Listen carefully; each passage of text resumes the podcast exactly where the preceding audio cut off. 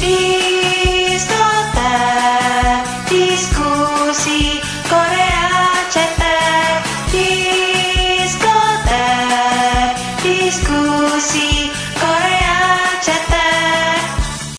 Jujur tadinya gue tuh nggak tahu minggu ini mau bahas apa karena benar-benar kayak adem ayem aja kan. Sampai akhirnya kayak kesambar petir di hari Senin tanggal 30 Januari Song Joong Ki ngumumin kalau dia lagi di perjalanan mau ngurus kawin catatan sipil sama Mbak Ketty. Nah, Banyak yang bilang ini dispatch kecolongan nih, masa Jungki duluan yang ngomong? Ya mungkin memang Jungki pengen ngomong duluan baru dispatch yang ngomong kali ya. Makanya Jungki juga nulis surat buat fans itu pas masih OTW. Belum nyampe kantor catatan sipil, belum sampai sah, dia udah nulis dulu nih sebelum ketahuan sama dispatch. Pinter juga sih sebenarnya. Congratulations dulu buat Song Cat couple, Song Joong Ki sama Cathy. Tapi ya di balik itu semua banyak yang memalingkan wajahnya dari Song Joong Ki Opa. Nah di sini sebenarnya gue nggak mau ada fan war, tapi ya namanya beropini itu pasti ada yang sependapat, ada yang enggak ya. Jadi ya bebas aja sih. Di sini gue cuman mau beropini aja pendapat gue kayak gimana tentang kejadian ini. eh dimulai dari mana ya? Sebenarnya gue bingung banget sampai gue nggak bikin pointer saking gue bingung gue mulai dari mana ya. Ya udahlah ya anggap aja kayak ngobrol biasa. Intinya sebenarnya gue tuh ngefans sama Jungki pas di Dots. Karena entah kenapa waktu di Dots tuh Jungki kayak nelen LED ya. Terang banget, glowing, shining, shimmering, splendid. Dari episode pertama, jadi kayak wow gitu. Gue suka banget sama Jungki di situ. Tapi gue nggak jadi shipper song-song. Karena entah kenapa, gue ngerasanya eh, maaf ya, mungkin ini juga gue pernah bahas sih di episode yang Jungki pacaran sama bule. Gue tuh ngerasa Jungki tuh kayak pansos sama Song Hye Kyo waktu Dots. Dan gue ngerasa dia kayak kesenangan aja gitu karena ih gue dipasangin sama gadesnya Korea gitu ya. Jadi ya kayak kesenangan siapa sih yang nggak senang dipasangin sama Song Hye Kyo gitu ya? Kalau sekarang tanya Lee Do Hyun juga dia pasti bilang senang banget dipasangin sama Song Hye Kyo.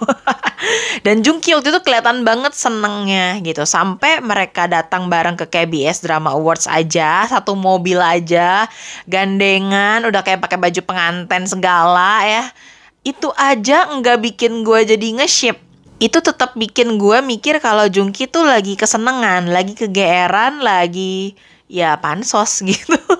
Maaf ya gitu. Sampai akhirnya terpatahkan waktu Jungki tiba-tiba bilang di Juli 2017 kalau dia pacaran sama Song Hye Kyo dan mau nikahin Song Hye Kyo di bulan Oktober 2017. Jadi gue kayak, ups, maaf opa.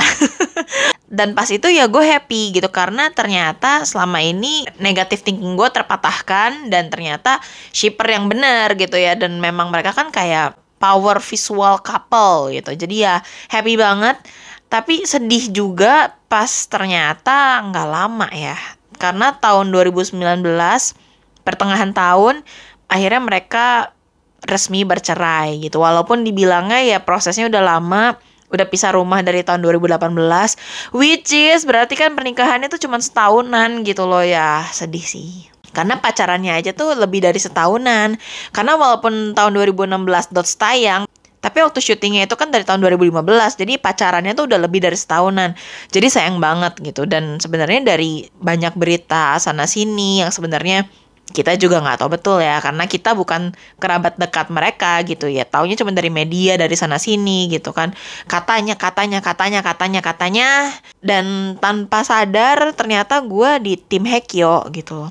Kayak apa ya bukan yang jadi iya apaan sih Jungki baik gitu. Nggak kayak gitu tapi secara naluriah entah kenapa gue memihak Hekyo gitu loh gue juga nggak tahu sih. Cuman ya dari berita-beritanya mungkin gue kemakan beritanya juga yang dibilang katanya memang Jungki itu patriarki which is sebenarnya gue eh, nggak terlalu suka. Karena gue tipe yang membela kesetaraan gender gitu lah ya intinya. Nggak feminis juga tapi gue tidak terlalu suka yang patriarki. Jadi di situ gue udah hmm, aduh gitu. Kalau lo patriarki kalau pengen punya istri yang jadi IRT ih jangan milih Song Hye Kyo gitu-gitu aja sih sebenarnya menurut gue mah ya. Terus uh, berita lainnya dibilang katanya Song Hye Kyo-nya nggak mau punya anak karena dia harus menunda dulu, harus syuting encounter dulu. Ya nggak salah sih. Dan menurut gue sebagai sesama aktor kenapa nggak bisa dikomunikasikan gitu? Kenapa nggak bisa didiskusiin dulu gitu? Apakah salah satu pihak ada yang nggak saling ngerti gitu? Gue nggak ngerti sih ini satu profesi loh. Kenapa nggak bisa saling mengerti sih? Untuk bagian kayak masalah kontrak segala macam itu harusnya mereka paham betul gitu loh. Dan kenapa itu nggak bisa dibicarakan baik-baik gue juga nggak paham. Kalau karena itu gitu ya. Tapi ada yang bilang juga emang Hekyo-nya nggak bisa punya anak Iya, tapi kan zaman sekarang canggih ya yang gue bilang di episode sebelumnya nih. kan bisa bayi tabung, bisa inseminasi, bisa apa aja gitu. Jadi nggak usah takut gitu kalau masalah punya anak menurut gue. Seharusnya masih bisa dibicarakan tapi mungkin si Babang nih kagak sabar gitu loh. Walaupun gue nggak paham ya, mungkin dia ada perhitungannya kalau punya anak di tahun segitu mungkin lebih hoki apa gimana. gue nggak tahu kenapa nggak sabar banget gitu loh ya. Karena kan ya kita semua juga ada lah ya masanya di mana kita pengen punya anak tapi ya mungkin belum dikasih sama yang di atas gitu kan. Ya caranya ya sabar gitu ya mau gimana lagi sabar dan berusaha dan berdoa gitu aja sih sebenarnya. Cuman ya nggak tahu lah ya kenapa. Tapi ya di sisi itu karena beritanya juga bilang kalau Jungkinya maksa pengen punya anak ya di situ gue juga sebagai cewek udah mulai kayak wah lu nikahin Song Hye Kyo demi punya anak doang apa? gitu loh. Kayak aduh nggak gentleman ya kayak kurang Justin Bieber gitu ya. Bieber aja bilang kalau punya anak apa enggak tuh tergantung istri saya karena dia yang bakal mengandung. Catat. Jadi di situ gue agak kayak aduh nggak deh. Dan dibilang juga Song Hye Kyo tuh stres berat karena sampai kurus banget ya kan. Teman-temannya juga bilang gitu. Terus di pihak Jungkinya juga bilang Jungki juga stres banget katanya sampai botak. Ya tapi sih kebetulan, kebetulan yang muncul di media tuh yang Song Hye Kyo-nya makin kurus ya, bukan yang Jungkinya makin botak. gitu. Jadi ya gue lebih melihat Song Hye Kyo yang sakit lah ya dibandingin Jungki gitu. Akhirnya ya makin-makin akhirnya tanpa sadar gue memihak Song Hye Kyo gitu loh. Terus makin ke sini makin ke sini makin banyak berita juga yang bilang kalau sebenarnya tuh Song Hye Kyo yang kayak udah nggak tahan juga gitu loh pengen cerai juga tapi malah disalip duluan sama Song Joong Ki jadinya Joong Ki duluan yang nalak gitu loh. Dan yang parahnya lagi Song Hye Kyo taunya ditalak cerai itu pas dia lagi syuting di luar negeri. Dan taunya lewat media itu apakah masih bisa diterima? Kalau buat gue sih itu benar-benar sakit hatinya jadi double triple quadruple semua deh ya. Kayaknya sakit hati banget sih asli. Jadi ya itulah ya kenapa akhirnya gue jadi tim Hekyo. Dan secara tidak sadar akhirnya jujur aja itu kayaknya kebangun kebangun kebangun gue jadi kurang respect sama Song Joong Ki gitu. Akhirnya gue pun nggak nonton dramanya. Ya selain memang karena dramanya juga berat ya itu kan memang bukan drama tipe gue gitu. Tapi ya apa ya walaupun ratingnya tinggi kayak Reborn Rich kemarin gitu tapi gue nggak terpanggil buat nonton aja sih kalau masalah Jungki nikah karena istrinya lagi mengandung eh, nggak uh, kaget ya. Maksudnya memang banyak banget artis Korea yang kayak gitu juga. Emang hamil dulu baru nikah gitu. Karena di Korea ya memang wajar ya. Ada yang marah karena katanya Jungki udah tinggal bareng sama Mbak Katy dari uh, musim semi tahun lalu.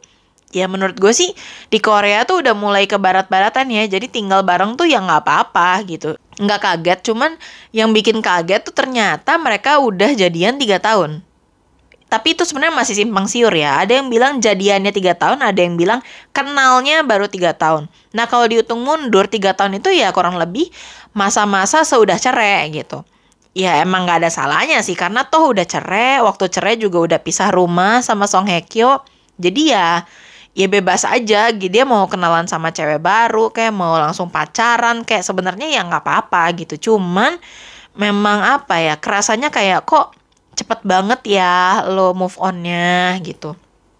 Kok segampang itu ya lo ngedeketin cewek baru setelah resmi cerai sama yang lama gitu loh.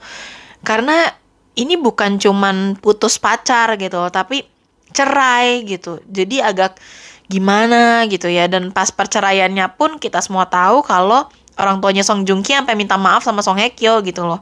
Di situ gue agak bingung kenapa minta maaf gitu ya. Pasti kan ada something yang kita nggak tahu gitu loh. Terus banyak yang nyangkut pautin, jangan-jangan minta maaf karena Jungkinya udah punya pacar lagi gitu ya. Nggak tahu juga sih.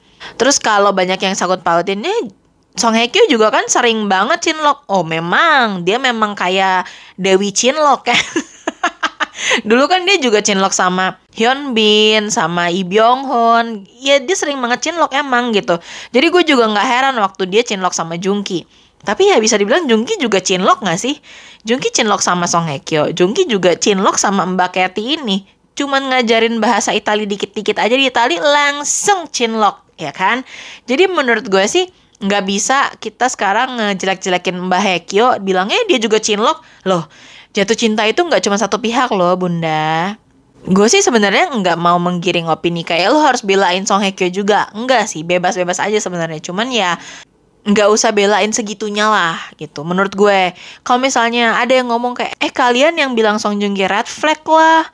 Apalah kalian tuh emang kenal dia dari kecil. Tetangganya keluarganya temennya kan nggak kenal. Dia juga nggak kenal sama lo nggak ada urusannya sama lo Betul, kita nggak kenal dia, kita juga nggak ada urusannya sama dia, dia juga nggak tahu kita hidup. Tapi sama dibalik lagi, kamu yang bela mati-matian, apakah kamu tetangganya, apakah kamu keluarganya, temannya, dan apakah dia tahu kamu hidup? Jadi nggak usah belain segitunya. Karena toh kita juga nggak tahu kenyataannya tuh seperti apa. Yang kalau gue lihat sih sebenarnya kalau untuk ukuran di Korea gitu ya, jadi duda aja tuh lumayan tabu. Kayak gagal banget sih gitu. Apalagi sekarang dia udah jadi duda, terus nikah lagi, terus ya kalau udah pacaran tiga tahun ya mungkin udah kenal lama ya. Tapi kalau kayak berita sebelumnya yang dibilang baru satu tahun, ya jatuhnya kayak cepet banget gitu loh. Kayak kurang hati-hati buat memulai yang baru gitu. Kayak terlalu gegabah lah menurut gue mah. Walaupun dibilangnya kan udah dewasa udah apa. Ya tapi tetap aja gitu. Sama yang sebelumnya juga itu terlalu gegabah ya Terlalu buru-buru menurut gue sama Song Hye Kyo. Mungkin dia ke bawah hype-nya Kayak eh mumpung kita lagi di atas banget nih Song-song couple Kalau kita nikah sekarang kayaknya lebih wah lagi gitu ya. Ya sekarang juga kerasanya kayak buru-buru. Ya mungkin karena udah hamidun ya Mau gimana lagi Harus diresmiin gitu. Cuman akhirnya Ya banyak juga gue lihat kayak netizen Korea yang pada komen juga gitu. Ini bakal berapa lama nih yang kali ini gitu. Bahkan ada juga fans internasional yang komen This is too fast katanya gitu. Ya ya memang gitu. Mau gimana lagi? Memang kayaknya Jungki juga tipe yang kalau sekalinya cinta tuh bucin, falling too deep. Terus habis itu ya gue nggak tahu ya, falling out of love-nya mungkin cepet juga, nggak tahu. Cuman sampai ada yang bilang kayak gue mau taruhan nih, kayaknya dia paling juga setahun gitu. Terus ada juga yang di Twitter gue lihat ada yang tulis waktu sama Song Hye Kyo nulis suratnya katanya karena dia Song Hye Kyo saya akan berada di sisinya seumur hidup. Terus waktu sama Mbak Katy tulisnya dia mengubah saya menjadi orang lebih baik. Terus ada yang komen habis itu kayak yang ketiganya nanti apa Jungki katanya gitu. Ya apa ya? Akhirnya secara refleks orang-orang jadi skeptis gitu loh sama keputusan Jungki yang kesannya tergesa-gesa gitu. Akhirnya jadi bercanda gitu kayak e, yang kali ini berapa lama ya? gitu. Terus ya menurut gue kalau harus resepsi ya nggak perlu juga gitu. Ini janda sama duda juga. Ya buat apa resepsi lagi? Kalau cuma makan keluarga ya silakan gitu. Tapi kalau harus resepsi kayak pernikahan pertama ya menurut gue sih nggak perlu ya karena ya ya itu akhirnya orang-orang juga jadi skeptis gitu. Gue nggak tahu sih teman-temannya bakal mikir kayak gimana bakal skeptis juga apa enggak tapi kalau gue temennya gue bakal kayak ini gue kondangan mulu deh. Gue aja belum dibalikin angpaunya. Kondangan dulu kan jadi ngasih mulu. Ya banyak juga yang curiga ini kenapa ya? Timingnya kok tepat banget ngumumin pacaran pas The Glory lagi naik banget gitu. Terus sekarang ngumumin nikah pas The Glory udah pasang teaser kedua gitu. Kenapa timingnya tepat banget? Dan kalau mau resepsi itu di Maret pas tayangnya The Glory season 2. Ya awalnya sih gue pikir kayak ya mungkin kebetulan aja Tapi pas baca-baca orang gue jadi kebawa mikir juga Hmm terlalu kebetulan ya Karena logikanya kalau memang dia udah mau nikahin Mbak Ketty dari bulan Desember, ya waktu dia confirm langsung bilang aja dia mau nikah, ya nggak? Kenapa harus jeda sebulan terus dia sekarang baru ngomongin nikah gitu loh? Ya kayak waktu sama Song Hye Kyo aja dia waktu confirm pacaran, sekalian confirm mau nikah. Kalau sekarang kenapa kayak ada timetable-nya gitu loh. Itu sih. Dan kalau dibilang ya karena baru tahu hamil, kayaknya nggak baru tahu deh. Soalnya waktu yang kemarin berita itu kan ada ada berita juga kalau Mbak Kat itu sering ke objin gitu. sering ke dokter kandungan jadi menurut gue sih nggak baru tahu juga dan orang tuanya Katy juga udah dibawa ke Korea kan karena tahu Katy-nya hamil gitu jadi kenapa baru ngomong mau nikah sekarang gitu? Kenapa nggak sekalian aja bulan kemarin waktu confirm jadian? Akhirnya gue jadi netting lagi nih. Apa betul disesuaikan timelinenya? Aduh akhirnya jadi ke bawah sebel aja sih gue sebagai cewek jujur ya gitu. Terus banyak juga yang bilang eh itu mah fansnya aja yang tantrum. Ya kayak anak kecil ya. Terus banyak yang bilang itu mah fansnya aja shippernya song song nggak move on. Karena gue juga dari awal nggak pernah nge-ship song song gitu. Jadi gue juga nggak pernah berharap song song balik gitu. Kayak yang gue tulis di Instagram ya kalau mereka cerainya baik-baik nggak mungkin. Karena kalau baik-baik nggak mungkin cerai Makanya gue nggak berharap mereka rujuk. Nah kalau yang masih berharap ya ya udah move on aja ya karena sekarang si Babang udah resmi nih jadi suami orang. kalau yang masih menghalu sama Song Joong Ki ya ya move on juga ya. Halunya sama yang masih single aja. Terus yang bilang ya udahlah jangan bawa-bawa Song Hye Kyo kasihan kali. Sebenarnya gue juga pengen ngomong gitu gitu kasihan Song Hye Kyo tuh dibawa-bawa terus tapi kenyataannya gimana ya gitu. Nggak bisa munafik lah gue. Kita tahu cerita mereka kita tahu apa yang dipublikasikan kita tahu tadinya mereka pacaran nikah cerai. Ya mau nggak mau ada rasa membandingkan gitu loh. Mau nggak mau ya kayak refleks aja gitu sama aja kayak lo punya pacar, terus dibawa ke acara keluarga, terus tahun depan eh tata udah ganti pacarnya. Mau nggak mau keluarga lo bakal bandingin gitu sama aja. Nah kebetulan nih artis, walaupun gue benci banget bilang kalau ini memang resiko jadi artis, tapi ya itu memang resikonya gitu. Mau nggak mau ke bawah terus. Istilahnya ya, jangankan ini mantan istri, mantan suami, mantan pacar aja ke bawah terus kalau buat artis gitu. Jadi ya gimana ya, mau dibilang jangan bawa-bawa, gue yakin susah gitu loh. Pasti kita kepikir lah minimal kalau nggak ngetik kalau nggak ngepost pasti kepikir gitu loh. Jadi susah untuk bilang jangan banding bandingin tapi ya karena sekarang udah sah si songket couple ini ya semoga Song Hye Kyo juga nggak usah diseret-seret lagi. Dan gue juga jadi kepikiran ya karena gue ngobrol juga sama followers segala macem ya mungkin kenapa Babang Duren milihnya Mbak Bule supaya nggak bisa dibandingin sama Song Hye Kyo gitu karena kalau dapetin cewek Korea, mau yang kayak gimana lagi yang ngalahin Song Hye Kyo di Korea? Kayaknya semua cewek yang datang ke dokter oplas aja pengen mukanya kayak Song Hye Kyo gitu loh. Jadi ya, ya make sense sih. Mendingan dapetin bule ya bang.